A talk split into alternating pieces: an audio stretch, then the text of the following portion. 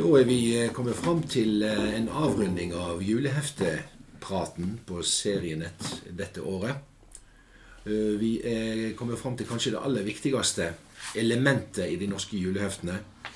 Figurgalleriet og bladene omkring Knoll og Tott. Som egentlig fungerer i to forskjellige hefter fra to forskjellige forlag, uten at det skal forvirre leseren. Du går inn på bokhandelen eller bladbutikken, og så henter du årets julehefte. Og i mange, mange år så har årets julehefte, som alle må ha, det er Knoll og Tott.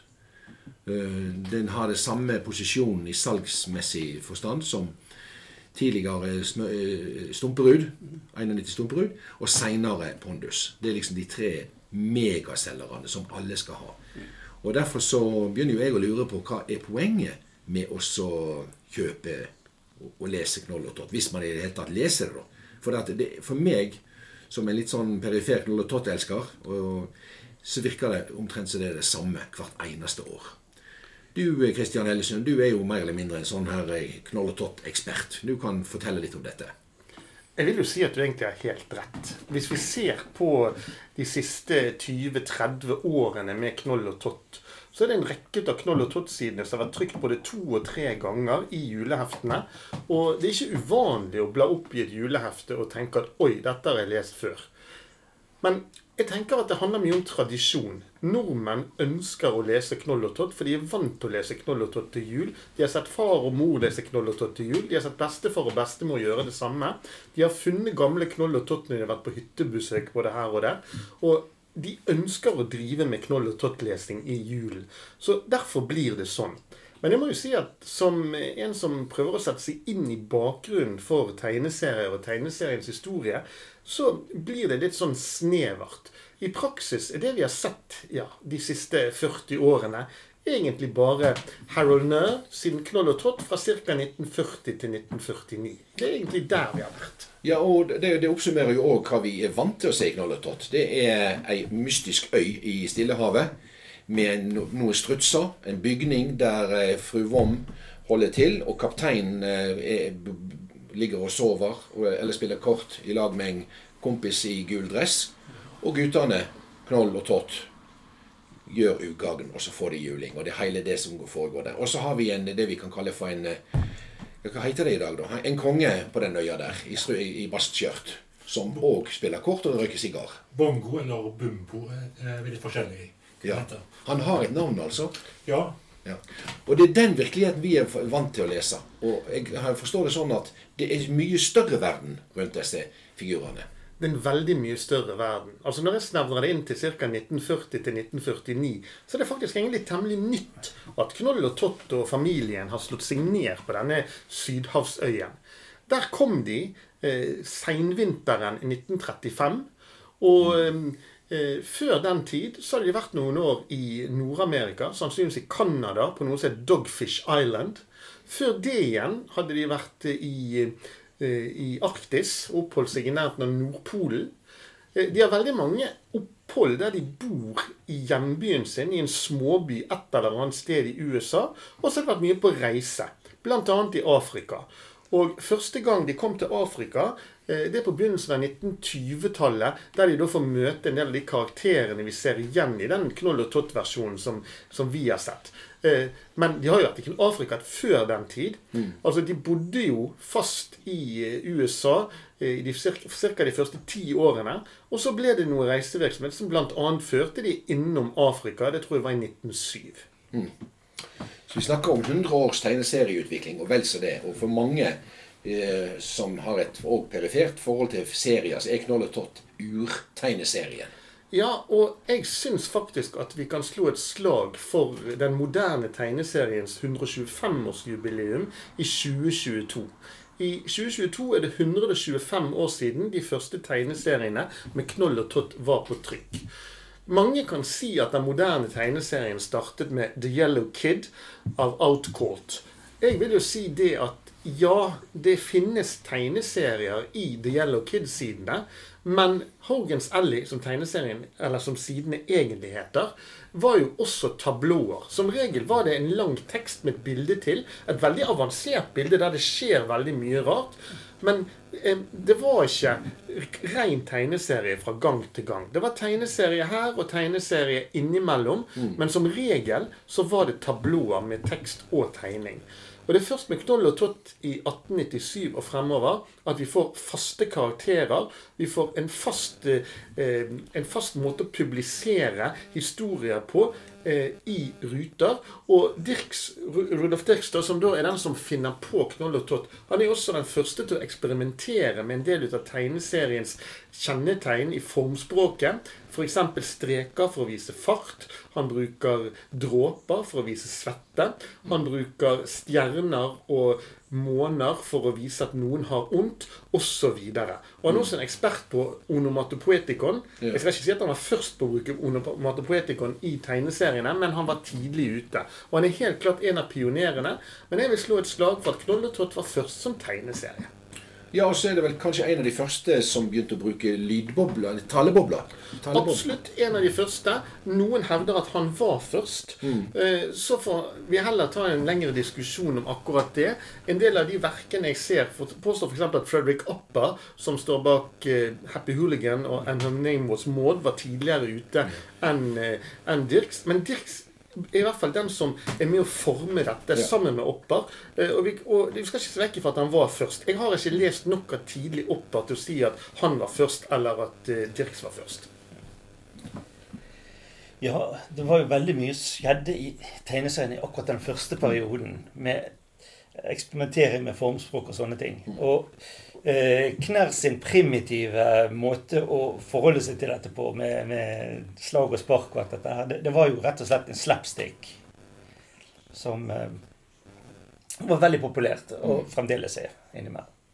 Du tenker Rudolf Dirks? Dirks, ja. Ja, Dirks med er her i dag. Mr. Nur han kom litt seinere Ja, senere. ja, ja. Men det er blitt viktigere i Norge i Norges sammenheng. Og det er jo da er vi inne på dette her med dette her konundrumet av at det finnes to forskjellige serier.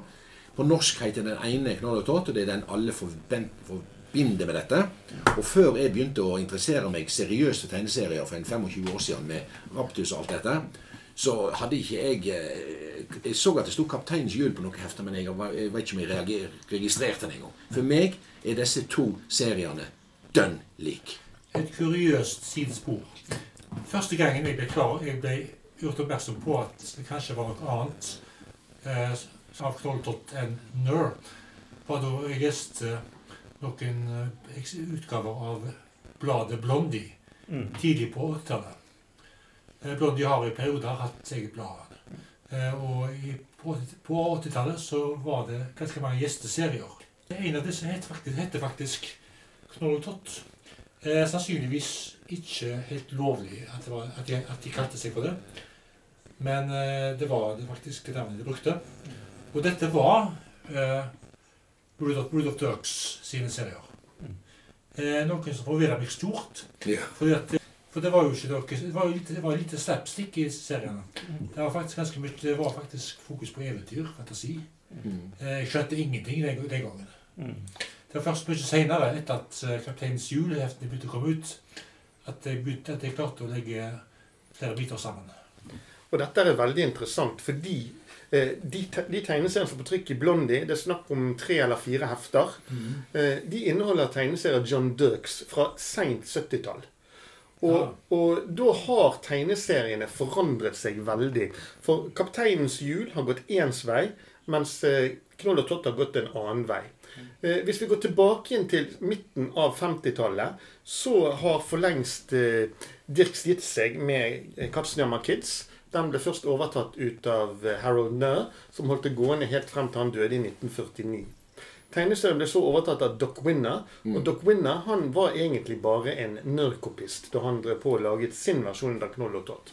På omtrent samme tid kommer John Dirks inn som eh, assistent for sin far, Rudolf Dirks, og etter hvert overtar han tegneserien sjøl. Mest sannsynlig skjer dette i 1957. Det er litt ymse hva kildene forteller, men 57 kan være et greit utgangspunkt. Og vi ser et skille i tegnestil også omtrent der han da får eneansvar. På slutten av 50-tallet så dør Doc Winner, og Joe Musail overtar Knoll og Tott. Og da blir det en fryktelig voldelig tegneserie der det slapstick-elementene overdrives. Vi ser eh, av, eh, av rutene at det er veldig mye vold. Det er veldig mye overdrevne ansiktsuttrykk. Eh, det er ekstremt mye grimaser. Og det grenser til sadisme, en del av de tingene som foregår i tegneserien. John Dirks derimot, han er mye mer opptatt som du sier, av eventyr. Han lager faktisk science fiction-historier med Knoll og Tott i hovedrollene. Han sender de ut i det ytre rom. Han sender de ned i jordens indre. Han eh, lar de få lov til å oppleve vesener fra andre planeter. Og han er mye mer opptatt ut av den gode fortellingen enn av de gode gagsene. Og Hvis vi da ser f.eks. på årets julehefte med Kapteinens jul, som er fra slutten av 60-tallet, så ser vi at det er en mye mer neddempet tegneserie. Den er ikke like morsom, men den er gjerne mer filosofisk. Glem ikke at John Dirks også var billedkunstner. Unnskyld, var, eh, han, var også, eh, han var også skulptør. Han, han laget eh, fontener av alle verdens ting. Og han var godt utdannet innenfor kunst. Og han tørde å bruke tegneserien også til samfunnskritikk og til kunstkritikk. Så det er to tegneserier som går i to vidt forskjellige retninger, selv om de har de samme hovedkarakterene. Og da er vi tilbake igjen til sakens kjerne, det vi forbinder med dette salget, som ligger rundt 100 000 hefter hver jul. Uh, knoll og tott. Og jeg tror Kapteinens jul selger en del òg, selv om han ikke er i de samme mengder. Men altså 100 000 mennesker forbinder én ting med øh, knoll og tott. Upolitisk uh, virkelighet. Og, og, og unger som får bank. Og uh, til og med for 25 år siden jeg begynte å holde tegneserieforedrag, og sånt, så var dette ganske uhørt. I dag tror jeg Du kunne aldri lansert en sånn serie i dag. Så det er kun på nostalgien dette går. Og de, de går jo gjennom altså Barna, disse to guttene, de er jo ikke faren deres nå. Det er jo bare en, en sjøkaptein som har kommet dinglende på ei fjøl. Men altså, eh, alle folk tror at det er pappaen deres. Men de utsetter jo han for de mest horrendøse piner. Ja, ja. Og når han kommer seg løs ifra dette, så tar jo han igjen med mynt. Så det er jo det det går på. Og det er jo et utrolig enspora verdensbilde. Helt klart. Og, og det er problemet med den klassiske Knoll og Tott. For den handler om barneundertrykking og vold, sadisme og eh, ukor, altså, uproblematiske familieforhold. ja. Og det er jo faktisk en treveiskrig, dette her. ja, ja. Så For det første de gjør gladelig krabbestreker. Og de tar eh, mer eller mindre gladelig stra- straffen for det. Iallfall så tar de, tar de gladelig risikoen. Ja. På andre sida så er det kapteinen som da gir igjen.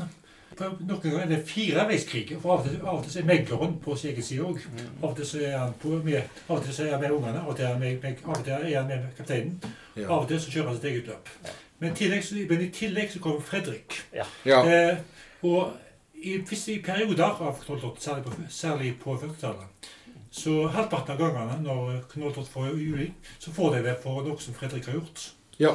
ja, eller at han avslører det de har gjort mot Ja, det er noe annet. Men jeg skal begynne gjerne med at Fredrik, det er Fredrik som gjør rampestreken. ja. Og knolltott får uh, straffen fordi at kapteinen tror at det er alltid deg. Ja. Slik begynner en ond sirkel. Ja. Og så må knolltott hevne seg på kapteinen. Og på Fredrik. Ja. Og på megleren om nødvendig. Ja. ja. Det, det er litt interessant å høre måten eh, tegneseriene er presentert på her i Skandinavia. Arild var inne på dette med at han som omtales som kaptein Vom, er jo ikke deres far. Det er rett og slett som du sier, en som bare flyttet inn med familien, ble værende der. Det er egentlig kapteinen til eh, en sjømann som heter Haini, som da er broren til Mama Katzenjammer. Yeah. Oh. Så de ble kjent på den måten der. Og han flyttet ut i søndagssiden Unnskyld, han flyttet inn i søndagssiden etter at uh, guttenes far siste gang ble vist i tegneserien. Denne Så som de hadde, hadde altså en far med i tegneserien til å begynne med? Ja, han var med frem til 1902. Han er kort, kort tid i stova. Det er også en bestefar som, eh, som frekventerer tegneserien veldig tidlig. Og sånn jeg har forstått ut av litteraturen rundt tegneserien, så syntes faktisk eh, Rudolf Dirks at dette var kjedelige karakterer. Og det er en grei skuring, det. Han vi kaller megleren i eh, Norge, han er jo ingen megler i det hele tatt. Hvor det kommer fra, det må gudene vite.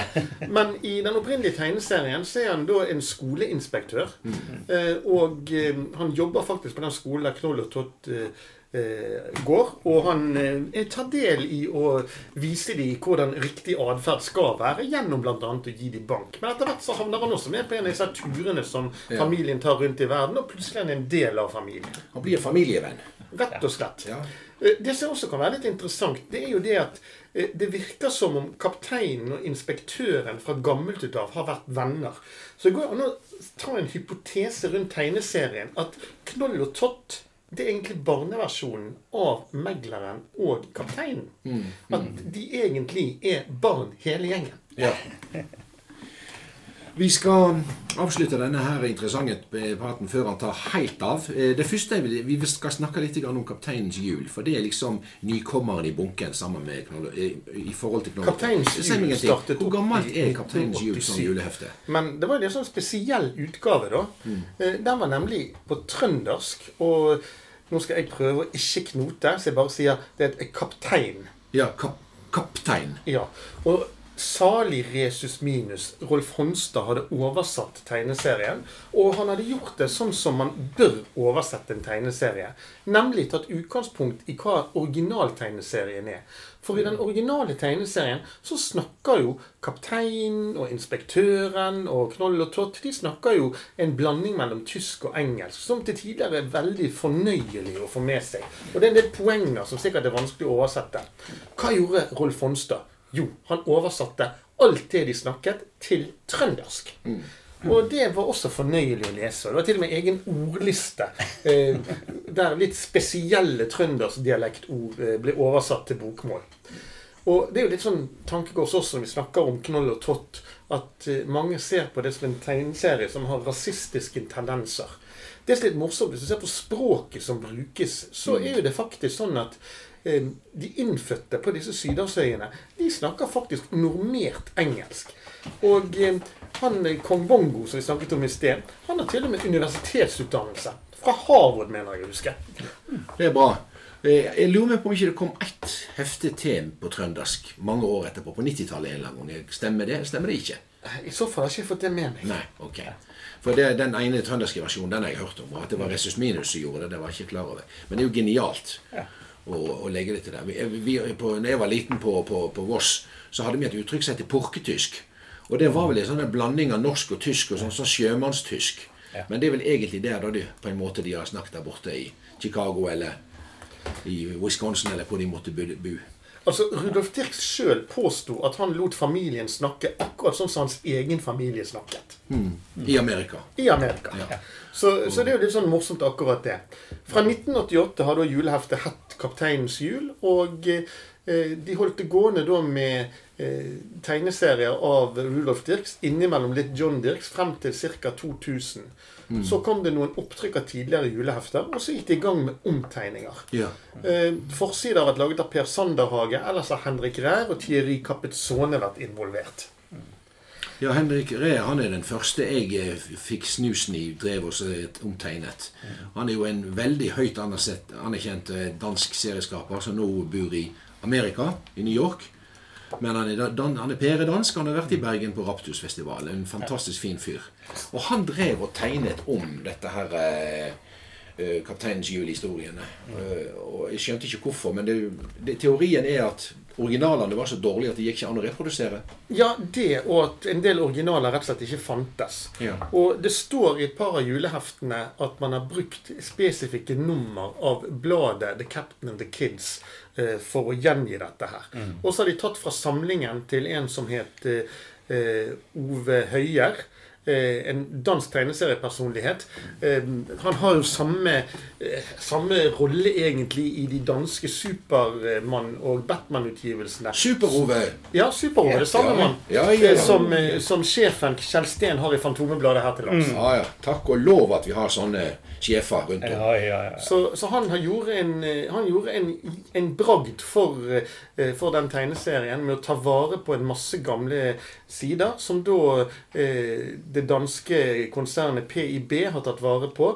Eh, og det er de som på en måte viderefører rettighetene til tegneserien i Skandinavia.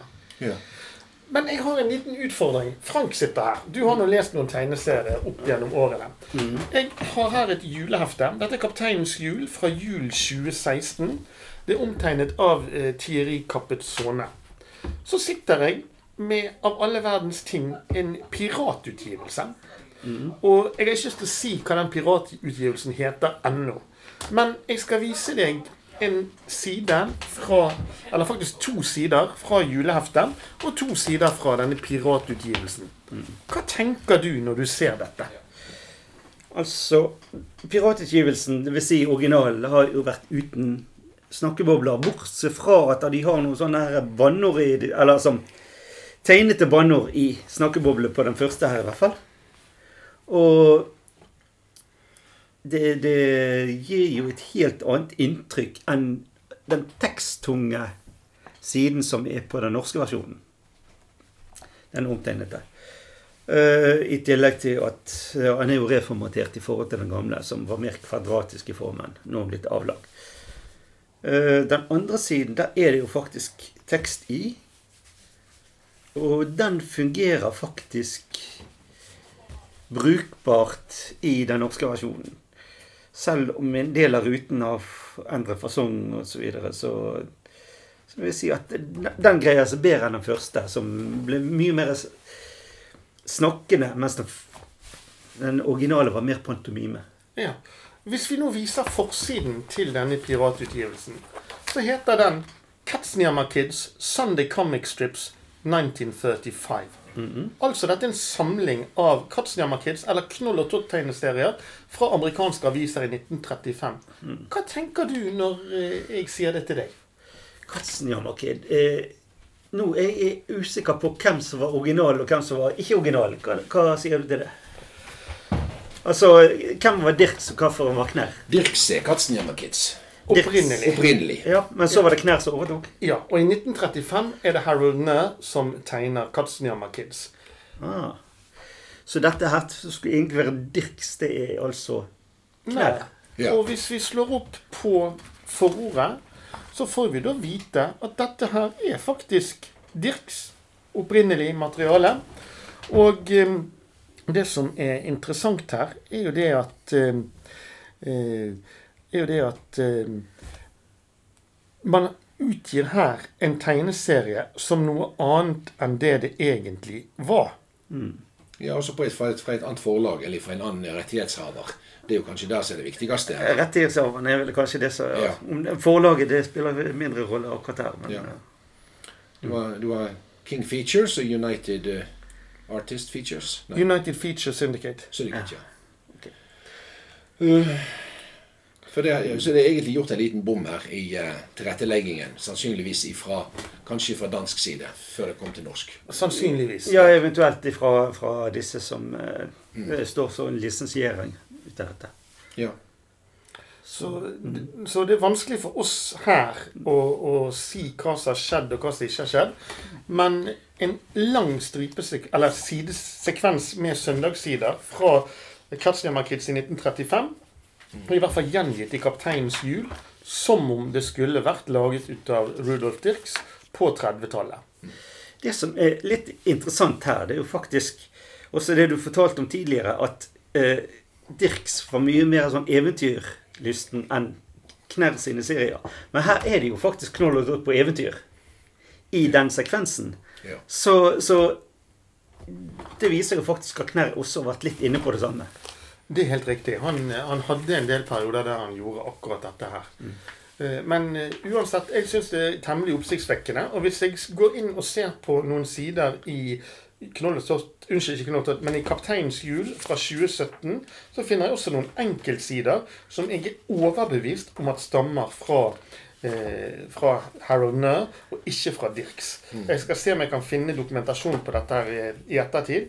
Men her er det enkeltsider som ser ut til å ha karakterer som eh, Nær ikke fant opp sjøl. Nei, som Dirks ikke fant opp sjøl. Men det er jo ikke rart at vi blir for- forvirra når til og med forlagene er forvirra og ikke veit hva de utgir. Og ikke har sjekka det. Fordi at eh, noen som eier rettighetene her, ville sikkert blitt interessert i hva som egentlig har foregått her. Men det får, det får de lærde strides om. Ja, og så spørs det hvor mye penger det er å hente uansett. Hvis dette er lite opplag i forhold til den andre. Jeg kan jo legge til at jeg har holdt på med litt indeksering av både Katzenjammer Kids og The Captain and the Kids i forbindelse med at Knoll og Tott har jubileum i 2022. Jeg vil ikke si så mye om hva og hvorfor jeg holder på med akkurat det, men det vil dukke opp noe Knoll-relatert, Knoll og Tott-relatert, der jeg er involvert. Gode greier. Får vi det på Raptus eller noe sånt? Det er jo i 2022. For å si det sånn, det er vanskelig å si. Eh, eh, Raptus vet iallfall om at de jobber med Knoll og Tott, men eh, jeg vet ikke hva planer de har for den festivalen. Uh, nå, nå er det jo Nå har vi snakket om tegninger og sånne ting. Så kan vi jo bare komme inn på siden etter at de første Knoll og Tott-utgivelsene i Norge var jo faktisk omtegnet. Å ja.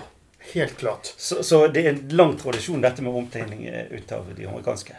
Altså Knoll og Tott har vært omtegnet i ukebladet Hjemmet i hvert fall frem til eh, 30-tallet. Og eh, veldig mye julehefter eh, i veldig mange år baserer seg også på omtegninger. Og jeg tør ikke si hvor mye omtegninger det er, men jeg ser for meg at vi kommer ut på 60-tallet, da snakker vi om eh, eh, reelle tegninger eh, i de fleste juleheftene. Det er bare at det er satt eh, eh, De har fjernet snakkeboble og satt tekst under ruten i stedet. ja, Men da eh, sier jeg tusen takk for en lang og god Knoll og Tott-prat. Og så eh, får vi se hva vi kan finne på i neste podkast fra Serix.